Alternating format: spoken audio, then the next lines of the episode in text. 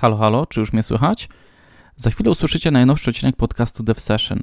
Wytrwajcie do końca, szczególnie jeśli interesujecie się inżynierią wsteczną i jesteście mocno techniczni. Zostańcie z nami do końca. Cześć, witam w podcaście Dev Session, podcaście od programisty dla programistów. Tutaj rozmawiamy o wszystkim wokół branży IT. Ja nazywam się Grzegorz Kotwis i mam przyjemność zaprosić Cię na kolejny odcinek. Dobrego odbioru. Cześć drogi słuchaczu. Dzisiejszy odcinek poświęcony jest IoT, czyli internetowi rzeczy. Tak po polsku ładnie to brzmi. Kiedy ustalałem o czym będziemy rozmawiać, powiedziałem mojemu gościowi tylko nie o malinkach, Arduino i tym podobnym zabawkom. Że chciałbym wyjść ponad to i pokazać szerszą perspektywę na internet rzeczy. I tak też dziś będzie posłuchacie o regulacjach prawnych, certyfikatach, jak wygląda proces produkcji urządzenia IoT, jakie napotykamy w tym procesie problemy, pułapki, haczyki, co można zarzucić programistom i w końcu jak przeprowadzić inżynierię wsteczną i rozłożyć na czynniki pierwsze Twoją inteligentną szczoteczkę do zębów lub odkurzacz. A kim jest mój dzisiejszy gość? To Marcin Sikorski, najpopularniejszy w Polsce ekspert IoT, członek grupy roboczej do spraw internetu rzeczy Ministerstwa Cyfryzacji oraz Poland Hong Kong Business Association, współtwórca raportu IoT w polskiej gospodarce i autor książki Real IT World Internet Rzeczy. Prelegent, felietonista i konsultant startupów znany z dynamicznych wystąpień w Polsce i za granicą. W branży IoT od 2013 roku IoT konsumenckie, automotive, reaktory atomowe, w ramach której wdraża dobre praktyki dotyczące jakości, biznesu oraz testowania. I jak zawsze podziękowania dla patronów, którzy wspierają ten podcast, a wśród nich są organizacja .netos, która skupia wokół siebie społeczność w świecie wydajności .net. Zajrzyjcie na ich stronę dotnetos.org i zobaczcie, co dla Was przygotowali. Bartosz Adamczewski, prowadzący kanał Level Up, na którym to znajdziecie wiele wiedzy na tematy wydajnościowe, data oriented design czy optymalizacji. Koniecznie zajrzyjcie na jego kanał na YouTube. I ostatnim moim top patronem jest ekipa popularyzująca, edukująca i wiele wiedząca na tematy Kubernetesa. Na stronie poznajkubernetes.pl jest dostępny ich kurs, dzięki któremu zyskasz solidne podstawy w wytwarzaniu i dostarczaniu aplikacji w oparciu o kontenery i Kubernetes na hasło DevSession jest całkiem przyjemny rabat. I to tyle tytułem wstępu. Nie przedłużając, zapraszam Was. Wchodzimy w świat internetu rzeczy. Cześć Marcinie. Witam się serdecznie o poranku. Tak, o poranku. E, słuchajcie, wiecie, że jest godzina 8.09, kiedy zaczynamy nagrywać. E, Marcin e, właśnie poświęcił swoje śniadanie kosztem nagrania tego odcinka, więc. Więc le lepiej, żebyście się... słuchali z przyjemnością. Dokładnie, bo na jego stole leżą kiełbaski ciepłe. One nie będą ciepłe już po skończeniu nagrania, więc będzie jak na zimno. E, więc tak, duże poświęcenie ze strony mojego gościa, za co bardzo dziękuję i dziękuję za przyjęcie zaproszenia e, do tej rozmowy. Zawsze miłe jest porozmawiać o internecie rzeczy. E, Marcinie, wspomniałem, jak wprowadzałem Ciebie do odcinka w Twoim bio, że jesteś członkiem grupy roboczej do spraw internetu mhm. przy Ministerstwie Cyfryzacji. Bardzo ciekawi mnie, co to jest za rola, z czym to się wiąże, no bo wiadomo, rządowe role to jest coś takiego niespotykanego. Możesz troszkę opowiedzieć właśnie. Od, e, odczarować. Nie, nie Odczaruj. Ma, nie ma problemu. Ma, mała rata nie do spraw internetu, ale do spraw internetu rzeczy. Ach, ale, ale poza tym reszta rzeczy się zgadza. E, bardzo e, brzmi to ambitnie, natomiast sprowadza się do tego, że co jakiś czas rząd powołuje różnego rodzaju grupy no, tak zwane grupy robocze. Grupy robocze, w skład których wchodzą specjaliści e, z Polski, e, praktycy, prawnicy albo osoby, które po prostu znają się na konkretnych obszarach, e, do których będą doradzać. No i właśnie doradzają w tym przypadku w kwestiach internetu rzeczy. W półtora roku temu powstała, powstał raport, który określał, gdzie my jako Polska jesteśmy scyfryzowani, jeżeli chodzi o internet rzeczy, jakie mamy braki, jakie mamy problemy. On był podzielony na kilka różnego rodzaju e, działów, jak choćby miasta, telekomunikacja, e, pojazdy, medycyna i tym podobne rzeczy.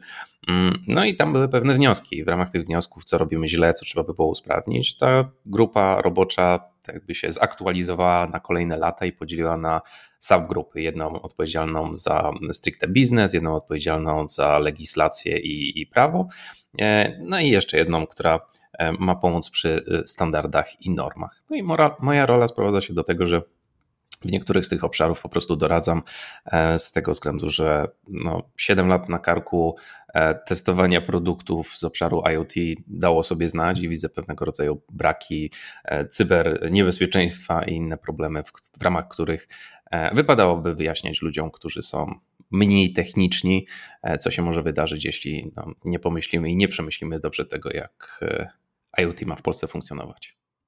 Mhm. Czy te wyniki pracy grupy roboczej są gdzieś dostępne, czy to jest tylko przeznaczone dla, dla, dla rządzących? Czy my, tak, taki ja, mogę sobie wejść i zobaczyć, jaki jest stan w, w ramach, internetu w ramach pracy nie, no bo to są tylko wewnętrzne tam podsumowania i, i e, takie jakby minutki, w ramach których e, zbieramy te pomysły i, i, ma powstać konkretny element czy konkretny produkt. Natomiast e, jeżeli już powstanie taki produkt najczęściej w postaci raportu, to on jest dostępny. On jest dostępny do ściągnięcia w formie PDF na stronach rządowych i każdy ma do niego wgląd, każdy może się wypowiedzieć i, i, i zobaczyć na co właściwie ten czas poszedł i, i, i co tam się działo. E, I od razu też e, uprzedzę, czy e, uspokoję, bo mogą pojawić się takie głosy, że długo trwają prace i pewno po to trwają długo prace, że one są świetnie płatne i dlatego wszyscy członkowie tam chcą, chcą siedzieć. Nie, to są funkcje stricte pro bono. A, a to trochę mnie tutaj zaszokowałeś. Pomyślałem, że no ale to pewnie mit, że to jest y, odwrotnie, nie? że sobie tam siedzą, siedzą, przepalają hajs. Czyli e, ci, dla których, dla których to jest ich praca, to zapewne tak. Natomiast y, te, te grupy robocze y, spotykają się raz w miesiącu, może dwa razy w miesiącu na 3-4 godziny, no to też nie, nie przesadzajmy, że, e, że to jest dużo czasu poświęconego te, te półdniówki czy jedna dniówka per miesiąc, e, ale dla całej reszty jest to stricte funkcja pro bono. Ja myślę, że nasi słuchacze już się zorientowali, że pomimo iż ten odcinek nazywamy IoT, Internet Rzeczy, nie będzie tutaj dzisiaj o malinkach, nie, nie, Arduino, e, zapalaniu e, światełek, sterowaniu diodami LED, sczytywaniu temperatury e, z waszego terrarium czy akwarium. dzisiaj będzie o, o biznesie, dzisiaj będzie o, o kosztach, dzisiaj będzie o prawie, o wpadkach, i takich, można powiedzieć, IoT, no naprawdę w biznesie i takich pro rozwiązaniach. Dobrze mówię, Marcin? Od, odczarujemy to troszkę. Odczarujemy, ups, dobra, będziemy odczarowywać. E, może na początek, już trochę zahaczyliśmy właśnie o te raporty, ale jestem ciekaw, jaki jest obecnie stan internetu rzeczy, jak to wygląda technologicznie, na jakim etapie my jesteśmy. Ciężko, ciężko odpowiedzieć na to pytanie, e, bo, bo, trzeba by określić, czym jest ten stan, albo co, co tak, o co tak naprawdę pytamy. Czy pytamy o mm, technologię samą w sobie, E, czy jest coraz mniejsza, tańsza i, i, czy mamy pewne standardy, czy może zaczynamy pytanie, e, pytanie skupiać na konkretnych obszarach, no bo mamy internet rzeczy jako taki, gdzie te, ty idziesz do sklepu, możesz kupić sobie jakąś smart opaskę, ale masz też e, industrial IoT, czyli taki stricte przemysłowy, gdzie idziesz do biznesu z konkretnym problemem, no i tam zasilasz, nie wiem, kilkanaście tysięcy sensorów, czujników, albo automatyzujesz, wspierasz e, te zadania i aktywności, które oni tam mają. Bez względu na to, na, na który z tych obszarów byśmy nie patrzyli, na pewno jest lepiej niż e, ta pozycja, z której startowaliśmy. Dla mnie start IoT no to jest rok 99, kiedy właściwie ukuło się to, e, to, to stwierdzenie, sformułowanie, czyli Internet of Things. I na przestrzeni tych lat rzeczywiście ceny tych podzespołów i elementów poszybowały drastycznie w dół. to już jest tak, w niektórych przypadkach to są tak śmieszne, śmieszne kwoty, że właściwie jakikolwiek pomysł przyjdzie ci do głowy, możesz bez przeszkód zamówić elementy i podzespoły, czy to z Polski, e, czy to ze Stanów, czy, czy z Chin i nie musisz się tym przejmować.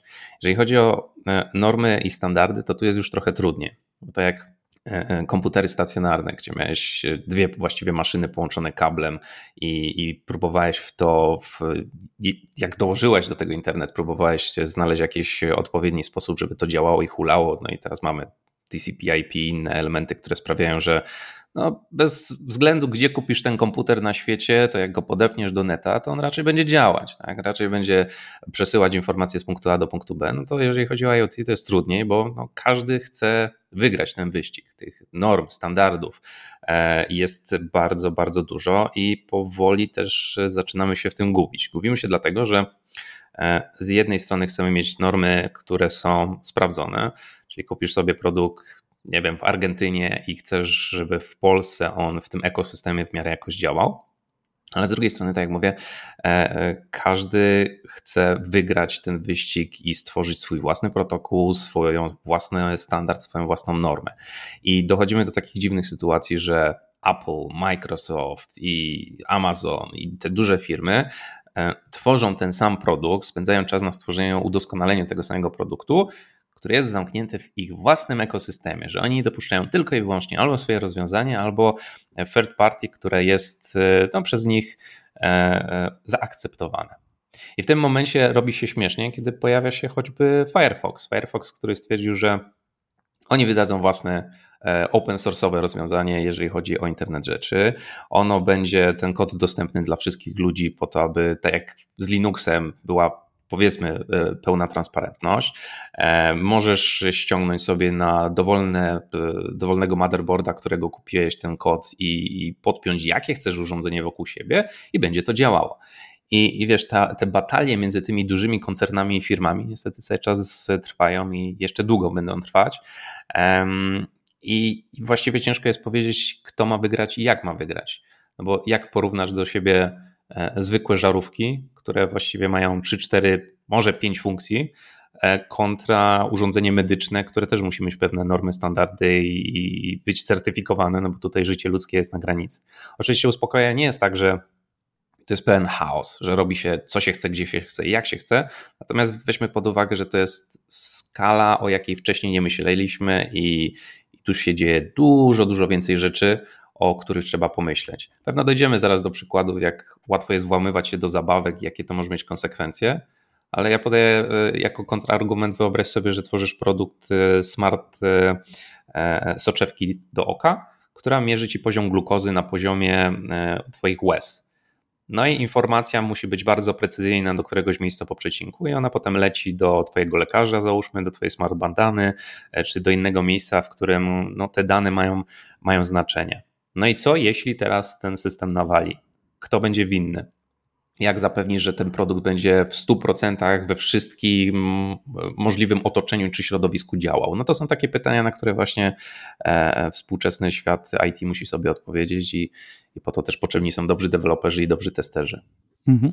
Jeśli e, mowa o tym takim nieindustrialnym internecie rzeczy, mhm. to ja zauważyłem, że na przestrzeni chyba ostatnich dwóch lat bardzo dużo pojawiło się dla takich y, konsument, zwykłych konsumentów tych y, urządzeń IoT w postaci e, wiesz, jakichś włączników, które podtynkowo możesz zamontować, żeby sterować już e, oświetleniem. E, tego jest bardzo dużo w sklepach. Kiedyś tego nie było. Mam wrażenie, że to właśnie zrobiło się takie bardziej powszechne, może już ustandaryzowane jakkolwiek. Pamiętam w 2008 roku miałem do czynienia, ale to ze Stanów sprowadzaliśmy to były jakieś urządzenia działające na protokole Z-Wave chyba. Mhm. Nie wiem, czy to jeszcze do dzisiaj przetrwało, ten Z-Wave. Miałem wrażenie, że to był taki bardzo otwarty protokół. To akurat jakaś firma robiła takie czujniki wody. Mhm. Coś można powiedzieć pionierskiego. W 2008 roku jeszcze u nas tak w Polsce tego nie było. Sprowadzaliśmy to ze Stanów i próbowaliśmy jakieś tam poprzez SDK integrować to z naszymi rozwiązaniami. Ale ten taki dla konsumenta, ten internet rzeczy chyba już jest taki bardziej wiesz, dostępne, prostsze aplikacje. każdy może pójść do sklepu, kupić coś i w miarę szybko to zainstalować. Nie potrzeba już do tego, jak wiesz, jakiegoś instalatora, technika, który przyjdzie ci do domu i hmm. będzie to montował. No i, i tak i nie, no prawda jest taka, że wszyscy poszli w stronę e, aplikacji. Każdy chce mieć też swoją aplikację. Zauważ, że jak kupisz trzy rozwiązania, to i nie daj Bóg od trzech różnych dystrybutorów, to masz trzy różne aplikacje i trzy różne konta i tworzą się jakieś takie cuda, cuda na kiju, po prostu zaczyna ci puchnąć ten telefon.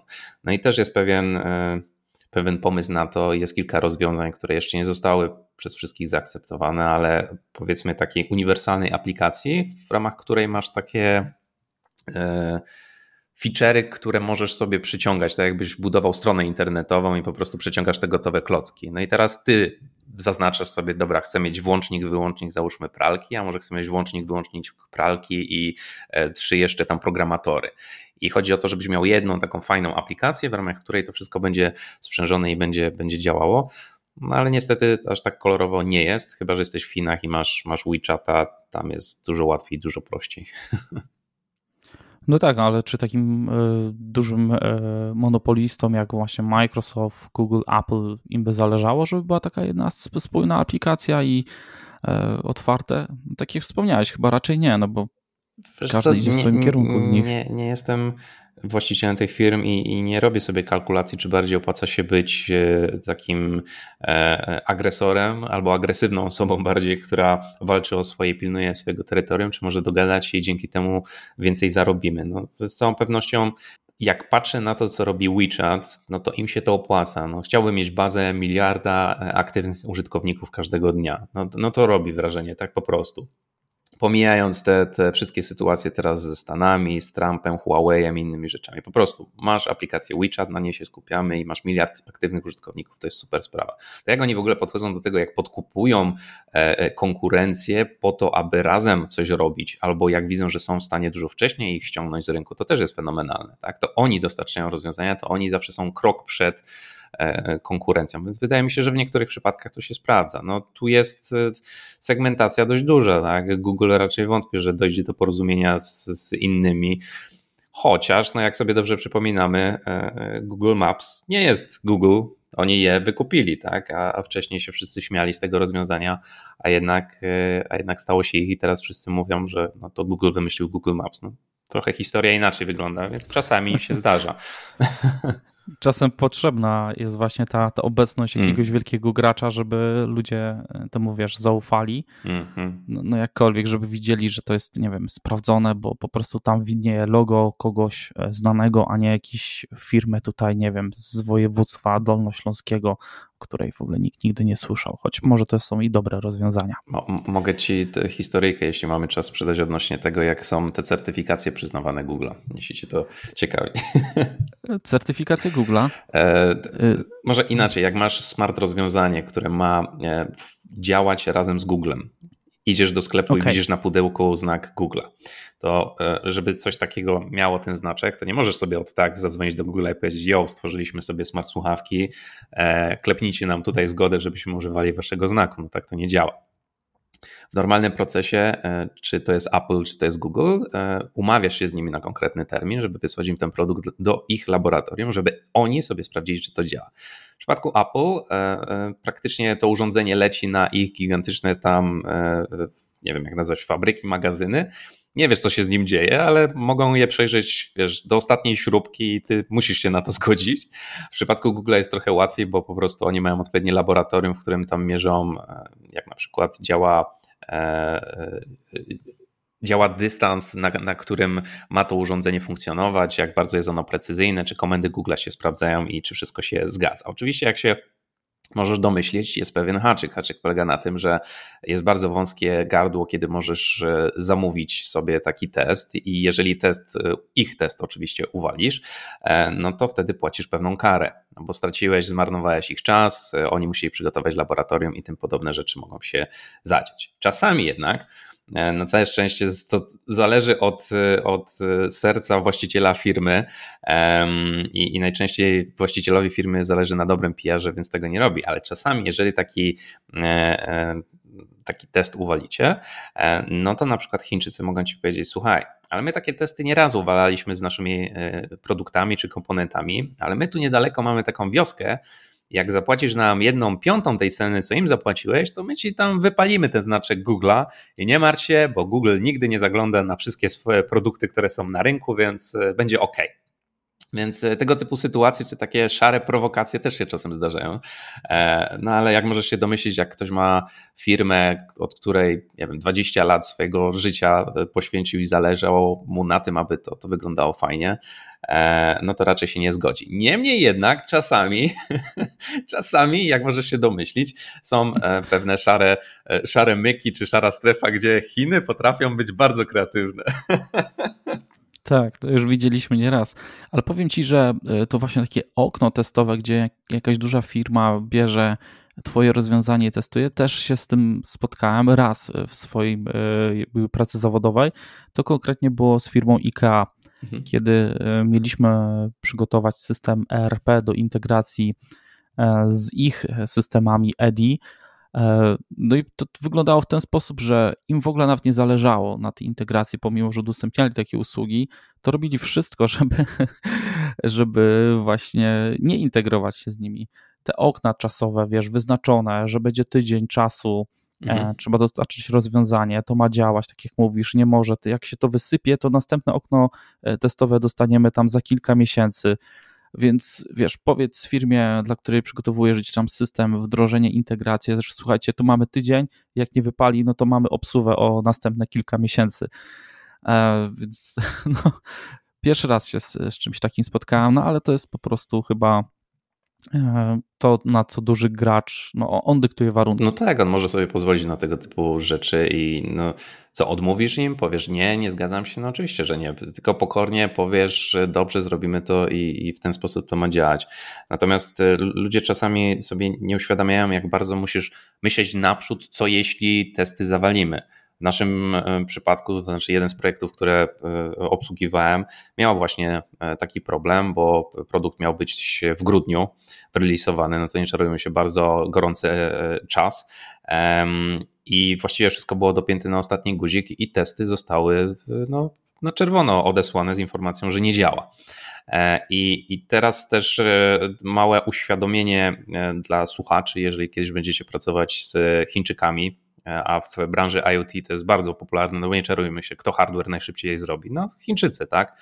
My możemy szybko software pisać, ale oni zawsze hardware naj, naj, najprężniej i najszybciej dostarczą, a przynajmniej z perspektywy klienta.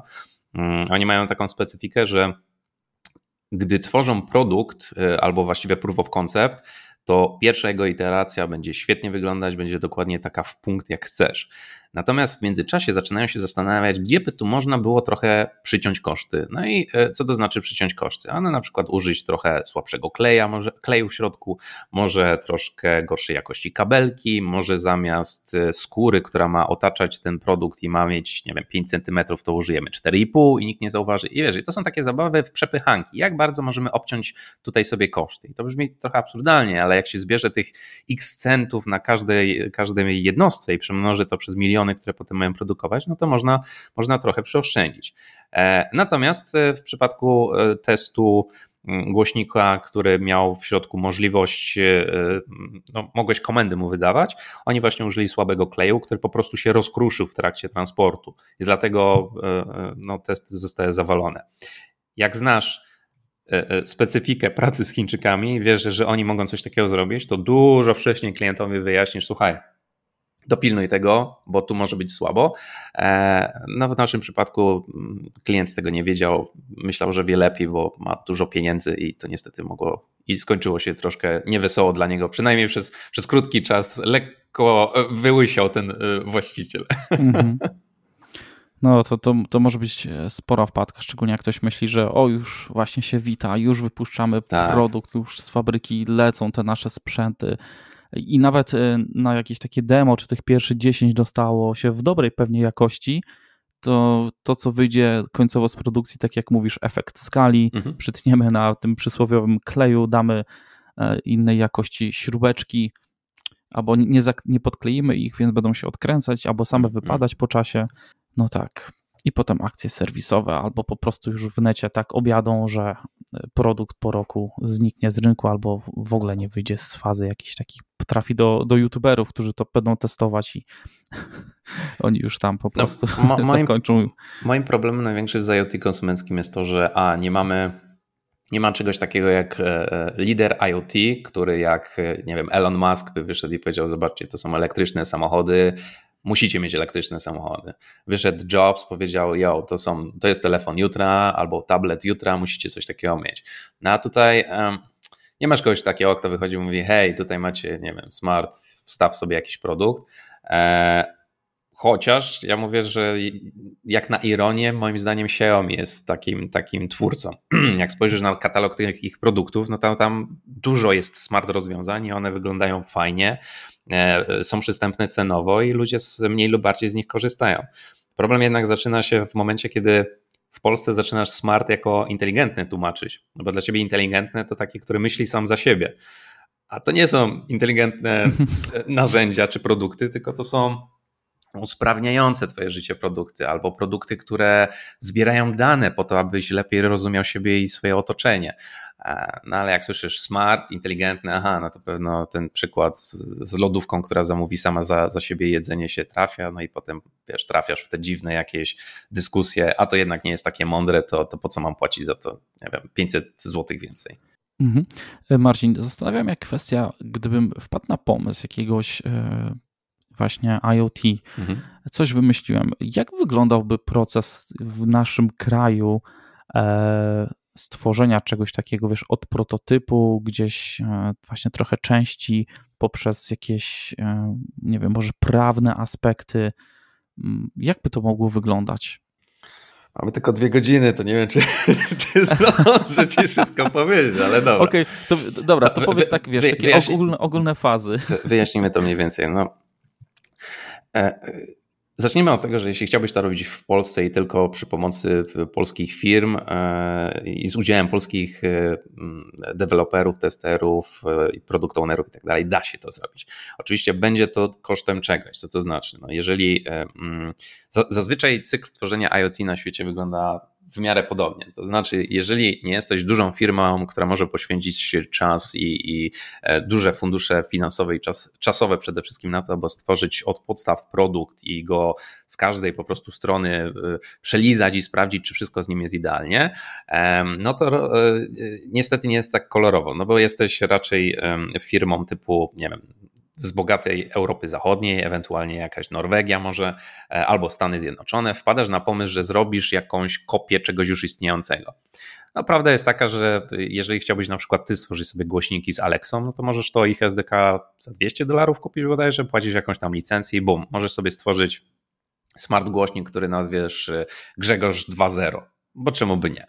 No i teraz myślisz sobie, dobra, takiego Grzegorza 2.0 chcę sobie stworzyć, co mi jest potrzebne. No to potrzebujesz pewno więcej hardware'u, no bo co z tego, że masz tam jakiegoś SDK, jakieś parę, parę pod, podzespołów, no musisz obudowy stworzyć, musisz stworzyć odpowiednie tam gałeczki, inne elementy, które będą.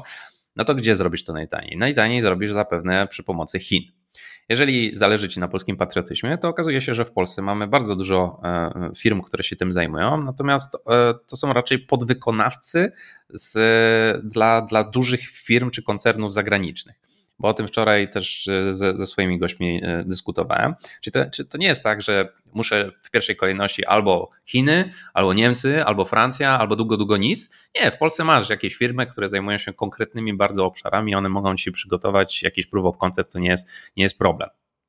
E, no ale potrzebujesz też e, software'u i o ile z hardwarem to musisz trochę się nakombinować, to z softwarem będzie o tyle prościej, że mamy w huk zdolnych ludzi, czy deweloperów, czy, czy testerów, czy inne osoby, które zajmują się analizą danych, to bez, bez problemu raczej znajdziesz i to są e, nadal kosztowo dużo niższe stawki niż brałbyś kogoś ze Stanów, a są dużo wydajniejsi i no i czarujmy się, polskie kombinowanie albo szukanie e, usprawnień tam, gdzie się da, e, jest raczej plusem i, i za, zaletą niż wadą. No to masz już zespół, masz powiedzmy, e, wiesz, gdzie będziesz ten hardware sobie ściągał, mm, masz kogoś, kto za to wszystko zapłaci. No to teraz trzeba by się zastanowić no, w takim klasycznym modelu, co ten, co ten produkt będzie robić. I to jest faza, na której wiele IoT produktów leży.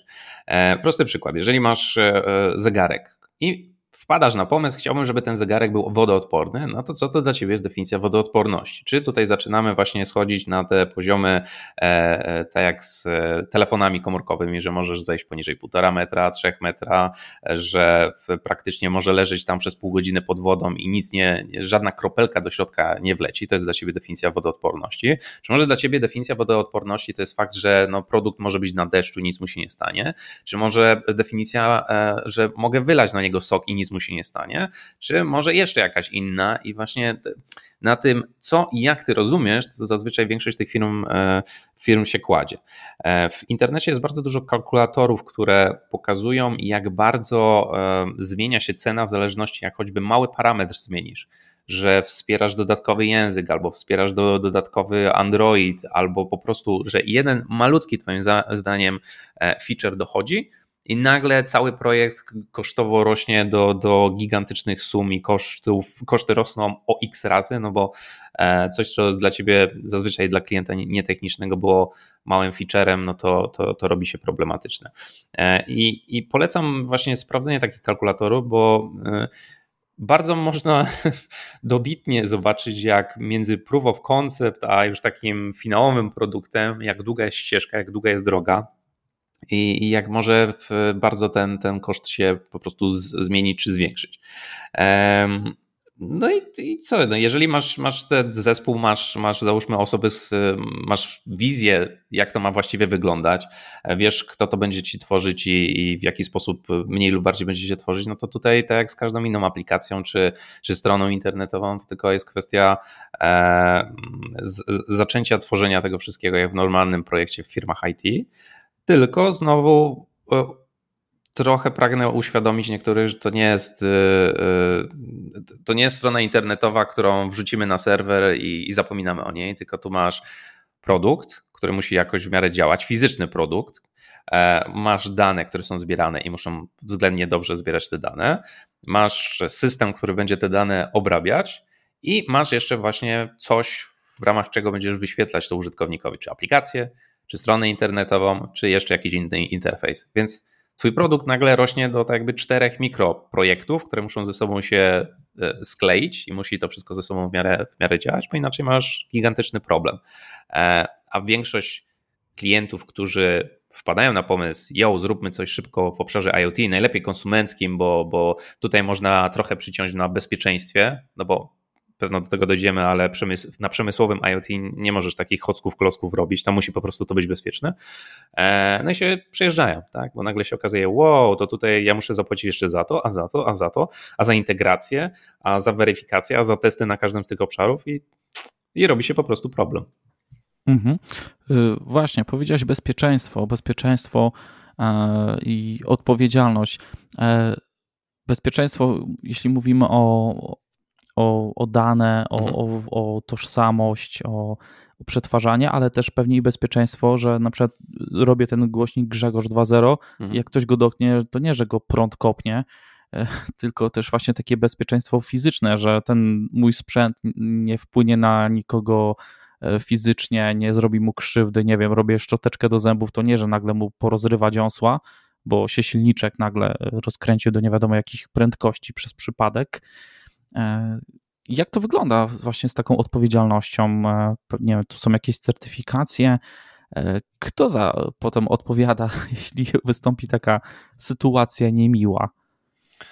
Hmm, po, po kolei rozbijmy sobie to pytanie. Jeżeli ktoś, jeżeli ktoś ze słuchaczy ma w domu jakiekolwiek urządzenie, które jest podpięte do internetu i jeżeli ma internet, to produkt z obszaru internetu rzeczy, jakąś smart opaskę, to super, a jeśli nie, to polecam choćby zwyczajny router sobie wziąć. E, nie jest, nie jest to żadną magią. Z tyłu powinien być znak FCC. Znak FCC, czyli e, znak Federal Communication Commission, e, czyli że rząd Stanów Zjednoczonych uznał, że ten produkt jest bezpieczny i że może on właśnie w, w takim obszarze sieciowym, nazwijmy, działać i nie powinno nic złego się wydarzyć użytkownikowi. E, przy tym e, znaku FCC będzie e, pewien ciąg liczb, numerków, które sugeruje przekleić i wrzucić do internetu w coś, co się nazywa FCC ID. To jest taka oficjalna strona, wyszukiwarka rządowa, w której można sobie sprawdzić każdy z tych produktów. No i mm, jak sprawdzisz sobie każdy z tych produktów, a właściwie ten, który masz w domu, to nagle dostaniesz taką e, powiedzmy transparentną stronę, gdzie będziesz miał bardzo dużo dokumentów dotyczących Twojego produktu tego, jak on został przetestowany, czy jest bezpieczny, czy jest atestowany, czy inne rzeczy się, e, e, jakie rzeczy się z nim odbyły, czy co tam z nim robiono, aby zweryfikować, że on jest bezpieczny. Dlaczego to tam jest, to już jest dłuższa historia na, na kiedy indziej. Natomiast fakt jest taki, że te informacje po to, aby, aby była pełna transparentność, e, są w sieci i można spokojnie sobie zobaczyć. Teraz tak, jeżeli chodzi o to, e, jeżeli już ktoś sobie przegląda tam rzeczy związane na przykład z developmentem albo związane z testowaniem, mm, no to może e, e, dokopie się do tego, w jaki sposób te produkty są właśnie, tak jak powiedziałeś, fizycznie sprawdzane. Jeżeli chodzi o fizyczne sprawdzanie, to jest bardzo długa lista i, i, wszystko jest od y, kurzu, przez rzucania tymi produktami, przez nawet y, ja dostawałem listę e, zrobionych testów przez kogoś z Chin, przez zespół Chin, gdzie tam miałeś 100 różnych cieczy, które są wylewane, żeby zobaczyć, jak szybko one schną, e, czy mogą wpaść do tego produktu, więc e, tutaj te listy kreatywne tego, co można z tym produktem zrobić, jak go zabezpieczyć, jest dużo. Oczywiście, tak jak powiedziałeś, z głośnikami jest wiele obszarów, o których trzeba pomyśleć, myśleć e, zawczasu, bo w innym przypadku klient może mieć problem. O co chodzi? No, nie chciałbyś, aby po aktualizacji Twoich głośników, która załóżmy odbywa się o, o 24, no bo musisz jakoś wymusić na użytkownikach, którzy e, powiedzmy nie klikają update'u e, co i róż, aby po takim update'cie samoistnym nagle volume Ci podskoczył z 0 do 100 no raz, że obudzi ciebie w środku nocy, a dwa, że na przykład twojemu dziecku może też bębenki mm -hmm. mogą, mogą pęknąć. No to jest śmieszne, ale niestety też mieliśmy taki case i szybko trzeba było go fiksować, więc e, starasz się tego unikać.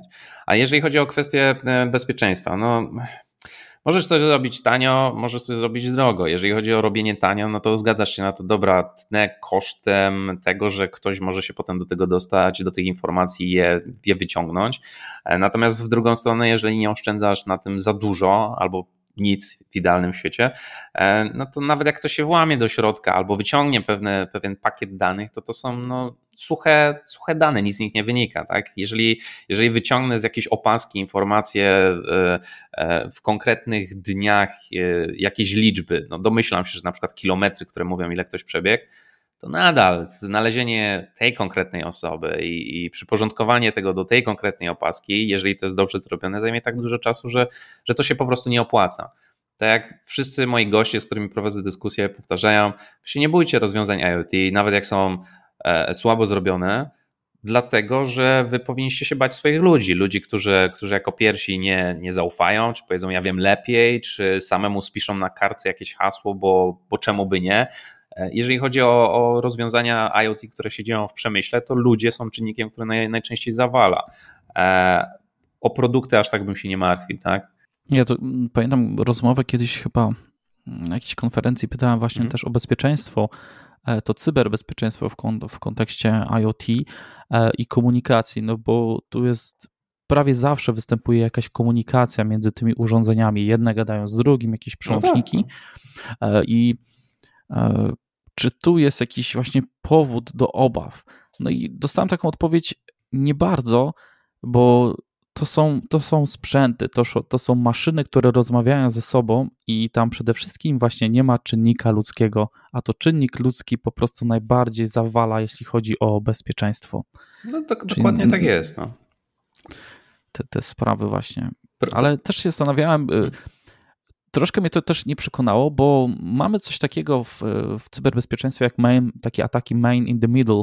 I zastanawiałem się, czy podrzucenie e, właśnie jakiegoś sprzętu, który będzie takim sprzętem in the middle e, i zakłóci tą komunikację, no to jest to pewien taki e, wytrych, nie? taki rodzaj ataku. Nie wiem, na ile to jest jeszcze niezbadane obszary, jak to wygląda właśnie w IoT, czy tam już ktoś e, się interesuje właśnie tak mocno tym cyberbezpieczeństwem w kontekście wykradania danych. No pytanie, jakich danych, na ile, na ile one są cenne? No tak jak mówisz, czy informacja o, o tym, że przebiegłem dzisiaj 5 km dla kogoś jest istotna? No nie wiem, no zależy po jak, co bym była ta potrzeba. Jak wchodzimy w, w, to głębiej, to jak, jak najbardziej mogę Ci parę, parę historii przedstawić, gdzie rzeczywiście mm, to, co Ty mówisz, Zgadzam się z tym, że, żeby mieć jasność. E, nadal uważam, że największym problemem IoT są ludzie, bo po prostu przez głupotę, nieświadomość albo złe nawyki e, e, związane z cyberhigieną, czy jak zwał, tak zwał, doprowadzają do różnych głupich sytuacji, a potem zwalają winę na producentów tych urządzeń, mimo że oni nie przestrzegali pewnych zasad. White pozostawmy defaultowe admin, admin hasło na urządzeniach przez całe życie, bo why not? Natomiast to, co ty mówisz, rzeczywiście się zdarza. To nie, to nie jest też tak, że się no, nie zdarza. E, jeżeli byśmy poprzeglądali mm, praktycznie każdego dnia jakieś newsy się pojawiają w sieci, gdzie ktoś coś gdzieś się włamał w jakiś sposób. I to, co ty mówisz, rzeczywiście. Są różnego rodzaju e, formy ataków i, i, sposoby zaatakowania. Pojawia się ich coraz więcej i więcej. E, I nawet jeśli weźmiemy mm, prosty, proste beacony, które no właściwie jedyne co robią, to wpinasz do środka bateryjkę, kładziesz e, ją w odpowiednim miejscu, programujesz to urządzenie i, i ono przez 5-10 lat będzie no, właśnie działać jak beacon, czyli wysyłać ten pakiet szum informacyjny, który liczy, że na kogoś trafi. No i tam zazwyczaj mało informacji możesz zakodować, jakieś e, na przykład stronę internetową, która e, jeżeli trafi na telefon komórkowy, no to telefon od razu odczyta to i przekieruje cię na odpowiednią stronę internetową. Coś bardzo prostego, tu nie powinno być żadnej magii, tak? Wchodzisz do sklepu i są takie bikony i załóżmy te bikony mają ci na telefon wskazywać, hej drogi y, konsumencie, tutaj dzisiaj jest promocja na produkt XYZ. Fajna, prosta rzecz, względnie tania. Ale okazuje się, że możesz y, y, zastosować różnego rodzaju myki, aby no, zepsuć to urządzenie swojej konkurencji. Powiedzmy, Zaraz obok wynajmujesz budynek, w ramach e, którego e, instalujesz swoje beacony, tylko mocniejsze, no i e, twoje pasmo nadawcze jest silniejsze. No i jak ktoś wchodzi do takiego sklepu, to zamiast widzieć informację, witaj drogi konsumencie, tu masz promocję, to widzi informację albo czy wiesz, że w tym sklepie ostatnio kogoś zabito, albo nie wiem, czy wiesz, że w tym sklepie kradną na potęgę, albo czy wiesz, że produkty z tego sklepu są, są słabej jakości. Nieistotne jest, czy to jest fake news, czy nie fake news, czy to jest prawda, nieprawda. Chodzi o to, aby siać ferment i. To jest opcja numer jeden. Opcja numer dwa możesz zrobić tak, że e, wchodzi ktoś do sklepu i nagle przechwycony jest ten konsument i dostaje informację, hej, ale wiesz, że w naszym sklepie e, ten sam produkt jest dwa razy tańszy, może chcesz wpaść do naszego sklepu. Więc tu już pojawiają się choćby na takim prostym poziomie i przykładzie, możliwości, w jaki sposób możesz e, wpływać na te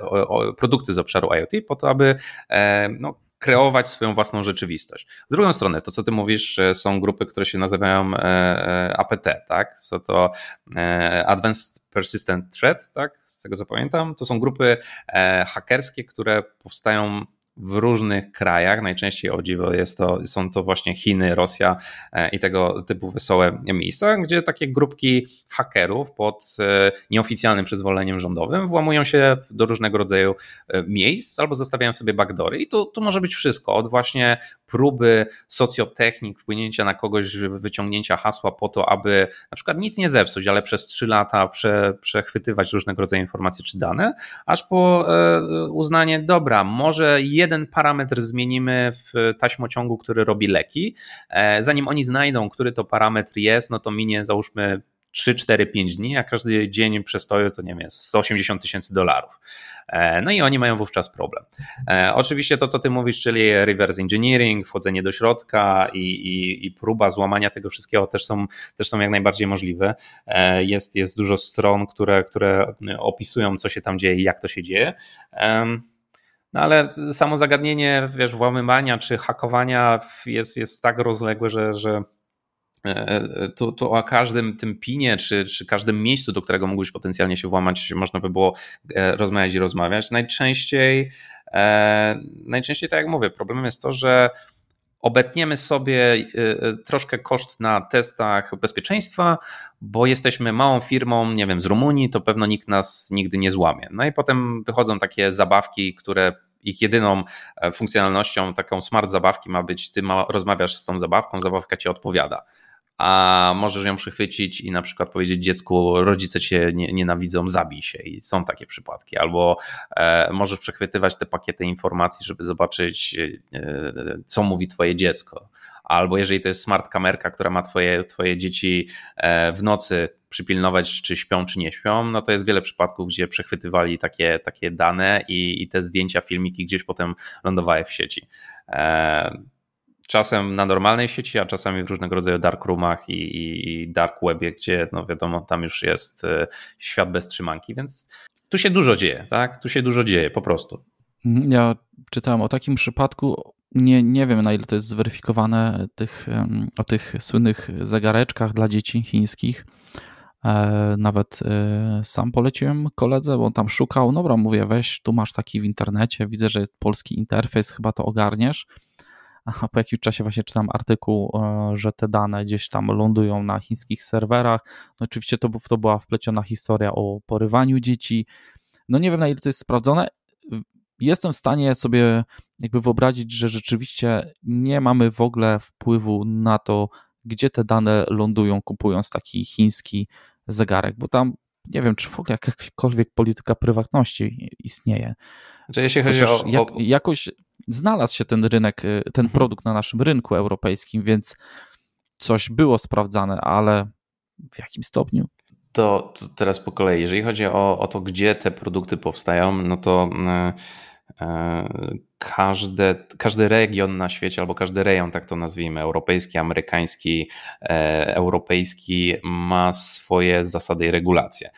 Dla przykładu, jeżeli podejrzę w Australii doszło do wycieku danych, znaczy bardziej przechwycenia pewnych danych, bo, bo okazało się, że potem nie, nie mogli za bardzo się do nich dostać, ale doszło do przechwycenia danych właśnie ze smart zegarków, e, to jeden tam z paragrafów e, mówi, że firma, która produkuje takie urządzenie, musi natychmiast poinformować wszystkich swoich konsumentów o tym, e, po to, aby oni wiedzieli, że nastąpiła taka sytuacja. Więc no, jest to dla ciebie trochę czarny PR, że doszło do czegoś takiego, ale ty jako konsument wiesz, ok, jeśli coś takiego się wydarzy, to w pierwszej kolejności się dowiem. Oczywiście to jest rząd australijski, tak? Nie, nie wszystkie e, w ten, w ten sposób do tego podchodzą. Jeśli spojrzymy na Stany Zjednoczone, gdzie e, Bill 327, czyli ta, ta regulacja, która w stanie Kalifornia powstała e, od zera z zamysłem internet rzeczy ma być bezpieczny i jeśli coś się wydarzy, no to tutaj te paragrafy będą chronić ludzi. Odtrąbiono wielki sukces, po czym dwa dni po za, za nie wiem, e, uznaniu tego za akt wiążący, okazało się, że prawnicy powiedzieli, no dobra, ale tu jest multum, multum informacji, z których wynika, że na przykład e, internet rzeczy to jest usługa, a nie produkt. No i masz problem, bo wtedy nie możesz e, powiedzieć, my ci sprzedaliśmy produkt, który nie działa, tylko sprzedaliśmy ci usługę. I co teraz nam z tym wszystkim zrobisz? Um, więc więc to się, to się na bazie tych różnych praw i regulacji tu się robią dziwne, dziwne kwiatki, e, bo mm, tak jak się pytasz ludzi, co byś chciał, jak, jak powinno w ogóle prawo wyglądać, to jak będziemy przez, przez długie lata zastanawiać się nad każdym jednym przycinkiem i, i sławetnym lub czasopisma, to nigdy nie zrobisz idealnego prawa, bo za chwilę powstanie coś, co będzie wymagało nowelizacji, a z drugiej strony, jak będzie bardzo specyficzne, no to ty będziesz się bał, czy ten produkt jeszcze to spełnia, mieści się w normach, czy już może wychodzi poza te normy. Więc tutaj musi być pewna takie, jak to nazywają ładnie, piaskownica czy miejsce do zabawy, bo inaczej żaden produkt by e, nie mógł po prostu powstawać, bo no, nie spełniałby nigdy wszystkich norm i wytycznych. Co się tyczy tego, że te dane wyciekają, to też nie jest tak. No, jest produkt, jest produkt. Jeżeli e, chcesz kupić produkt e, atestowany albo kupić dla przykładu smart zegarek od Apple'a i ten smart zegarek kosztuje, no nie wiem ile ta nowsza, najnowsza edycja, 400, 500, ileś tych geldów i dolarów kosztuje, a na e, Alibabie czy na AliExpressie możesz znaleźć taki sam zegarek, wygląda identycznie, ma ten sam interfejs i wszystko właściwie kropka w kropkę. I on kosztuje 15 dolarów, e, no to się potem nie dziw, że no, to może nie idealnie działać i że te, te polityki prywatności potem gdzieś wyciekają. E, żeby, żeby nie być, albo żeby właściwie być adwokatem diabła i ktoś powie, ha, czyli pewno te produkty IoT to, jest, to są gówniane produkty, nie warto tego mieć i, i polityka prywatności to jest jakaś szara strefa, no to pragnę przypomnieć, że drodzy użytkownicy i słuchacze, korzystacie z różnego rodzaju aplikacji na e, telefon. Te aplikacje niektóre są defaultowo zainstalowane, niektóre nie. Nie chcę podawać nazw e, dużego dystrybutora telefonów z Azji, natomiast on na przykład instaluje aplikację do biegania. Możesz mieć opaskę, możesz to sobie potem biegać z telefonem whatsoever. Ale mało kto wie, że ta polityka prywatności e, no, ma na przykład napisane, że e, my zbieramy jakieś pasmo informacji o tobie i danych po to, aby wiadomo, te, ten produkt jak najlepiej pokazywał ci pewne właściwe wyniki. E, I nie sprzedamy tych danych nigdzie indziej, do żadnej firmy trzeciej. No to myślisz sobie super, ekstra.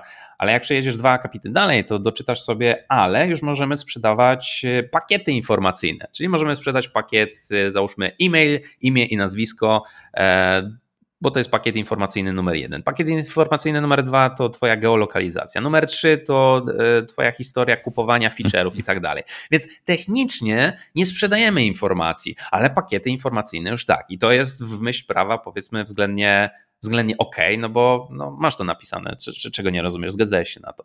Swoją drogą, jak, jak klikacie w, na instalatorach, teraz to już rzadziej, ale te wszystkie next, next, next e, e, i, i, na końcu instaluje się ten program, to to się z tego co pamiętam nazywa ClickWrap, e, tak chyba ClickWrap umowa, czyli dosłownie umowa foliowana, która polega na tym, że e, to jest taki zabezpieczenie dla producenta, że no ty prze, przeczytałeś, co się tam znajduje, poszedłeś dalej, jak dojdzie do jakiegoś problemu, no to sorry memory, no ale miałeś napisane z góry, od, od góry do dołu, co tam się znajduje i, i tyle, e, więc, więc to jest wina twoja, nie mówiąc o tym, że tam są duże, duże ilości dziwnych sformułowań typu e, e, jeśli będziesz chciał usunąć swoje dane albo je zmodyfikować, albo mieć do nich wgląd w ogóle i, i, i, coś z nimi zrobić, to my e, dopuścimy wszystko, co w naszej konsumenckiej mocy, jakoś tak jest napisane, czy tam e, jakieś takie dziwne sformułowanie, z którego nic nie wynika. Tam nie jest napisane tak, usuniemy, nie, nie usuniemy, tylko wszystko, co jest w naszej mocy. Ale co to znaczy? No, tu się różne dziwne rzeczy robią. Jestem w stanie sobie tylko wyobrazić. Pamiętam, że co bardziej sprytniejsze instalatory wymagały, żeby przeskrolować chociaż tą umowę do samego tak. dołu i wtedy dopiero, wiesz, przycisk next robił się aktywny i można było e, przejść. Google nie, nie, chyba na niektórych swoich stronach jeszcze to stosuje. Nie, nie pamiętam, która też firma miała tak, że y, przeskrolowałeś na sam dół i zamiast aktywować przycisk Next, to było napisane serio, przeczytałeś 186 stron w 3 sekundy? Wiesz, taki humor. To, to, taki humor, ale, ale prawda jest taka, że musimy o tym pogadać, musimy się zastanowić, zwłaszcza z perspektywy prawnej, do czego może, może jeszcze potem nawiążesz, bo e, w Stanach teraz w, mm, skończyła się w zeszłym roku, bodajże w zeszłym albo w tym roku w stanie Middletown e, była sprawa e, faceta, który podpalił mieszkanie swoje własne. E, I on się zgłosił, bo mówiąc, ktoś podpalił moje mieszkanie, a akurat dwa tygodnie wcześniej, czy tam jakiś czas wcześniej ubezpieczyłem je, no to, że tak powiem, e, wyskakujcie z kasy, bo wypadałoby mi zapłacić. Wszystko było super, nikt nie mógł nic zarzucić e, te, tej, tej sprawie, w sensie, no rzeczywiście ktoś ci podpalił mieszkanie. Po czym doszli do tego policjanci śledczy, że hej, hej, hej, ale ty masz pacemakera, czyli takie urządzenie które, medyczne, które musisz na, nosić przy sercu, które określa, jaki jest rytm twojego serca, żeby sprawdzić, czy, czy na przykład na pogotowie nie musisz pojechać. E, I z tego pacemakera wynikało, że on nie spał w momencie, kiedy powinien spać i właściwie był podekscytowany, jak gdyby robił coś nielegalnego. I, jeżeli nałożysz te informacje, to rzeczywiście wyglądało na to, że e, to on zrobił, bo, bo tak wygląda rytm człowieka, który się cieszy, że robi coś, i tak nie wygląda rytm serca człowieka, który głęboko śpi, te fazy REM, czy, czy jak to się tam nazywa. Um, on wynajął dużo prawników i był mega pewny, że w ogóle będzie pierwszą osobą na świecie, która wygra ze Stanami Zjednoczonymi, bo powiedział: Wow, wow, wow, chwila, to są moje prywatne dane ty nie masz do nich dostępu. To, że ma dostęp ten twórca pacemakera, żeby mnie zapewnić zdrowie, to jest, to jest jego kwestia. Um, a wy nie możecie do tego dojść. I wszyscy prawnicy od góry do dołu mówili to samo. Rzeczywiście, co z tego, że to jest morderca, gwałciciel, złodziej, cokolwiek innego, i moglibyśmy go, go wskazać na bazie tych danych. Te dane to są jego prywatne dane. No i tam były wielkie dyskusje o czwartej poprawce, o tym, że e, wszystko, co dzieje się w Twoim domu, jest tylko Twoją kwestią. E, kojarzysz pewno te amerykańskie filmy, że wychodzi ze shotgunem i mówi: wypad z mojego terytorium albo cię zastrzelę. I to samo mówili z tym, że wszystko, co dzieje się wokół Twojego prywatnego ciała, to jest Twoja sprawa. Po dwóch latach sędzia Middletown powiedział: No, no chyba nie, chyba was pogrzało. Jak ja mogę mieć sprawę zamiast 6 miesięcy w 6 tygodni rozwiązaną, to te dane będą używane i będą używane za każdym razem, kiedy to jest potrzebne. E, oczywiście faceta tam posadzili na, na dłuższy czas, ale to jest sprawa, która pokazała, że jak ty teraz myślisz, że a, dobra, my robimy jakąś tam popierdółkę, z której ktoś gdzieś korzysta raz na jakiś czas i, i te dane są nikomu niepotrzebne, oj, żebyś się nie zdziwił, że, że kiedyś może to być wykorzystane w sądzie. Nie mówię, że jutro, nie mówię, że za rok, nie mówię, że we wszystkich miejscach na świecie, ale miej tego świadomość, tak? Hmm. Ha, ciekawy aspekt. IoT przeciwko tobie w niektórych sytuacjach. Znaczy, w większości no tak, przypadków, no. które dotychczas były, to one pomagały. Były kwestie y, y, sprzeczek małżeńskich, gdzie Alexa była powoływana na, na osobę, która podsłuchała, co się tam działo. I rzeczywiście totalnie coś innego wynikało z tych, z tych y, konwersacji. E, był przypadek dziewczyny, która została chyba zgwałcona czy zabita, i tylko dlatego, że odzyskali dane z E, tych opasek biegaczy, to byli w stanie określić, kiedy e, dana osoba była, że coś się tam wydarzyło i jak, jak wygląda w ogóle przebieg, bo nie było kamer nakierowanych na miejsce, gdzie, gdzie ona ginęła, ale z, z tej opaski mogli wyczytać odpowiednie informacje. Więc, więc tego zaczyna być więcej i więcej. Oczywiście to są nadal, wiesz, case'y, które ludzie patrzą na to z przymrużeniem oka, a dobra, powołują Aleksę, żeby powiedziała śledczym, co się wydarzyło. Niemniej jednak to się dzieje, tak? Dlatego o tym wspominam.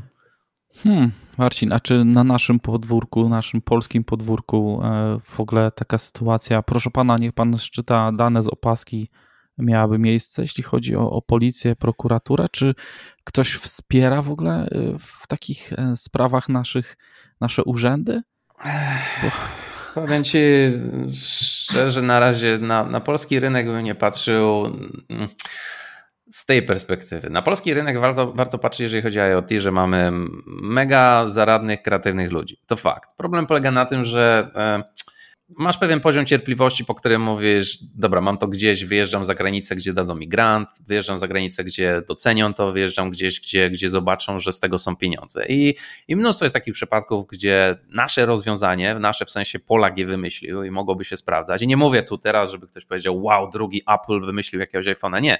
Chodzi o rozwiązanie w jakimś małym obszarze smart, tutaj wstaw e, produkt, który po prostu usprawnia życie no w Polsce nie, bo się nie da, bo nie opłaca się. Wyjechali do Szwajcarii. Panie, spoko. Damy ci ludzi, damy ci know-how, damy ci tutaj specjalistów. Jeszcze, jeszcze przez jakiś czas obejmiemy cię odpowiednimi tam e, niższymi podatkami, żeby coś takiego stworzył. I te pomysły gdzieś po prostu wyciekają i, i znikają. I to jest e, coś, co boli.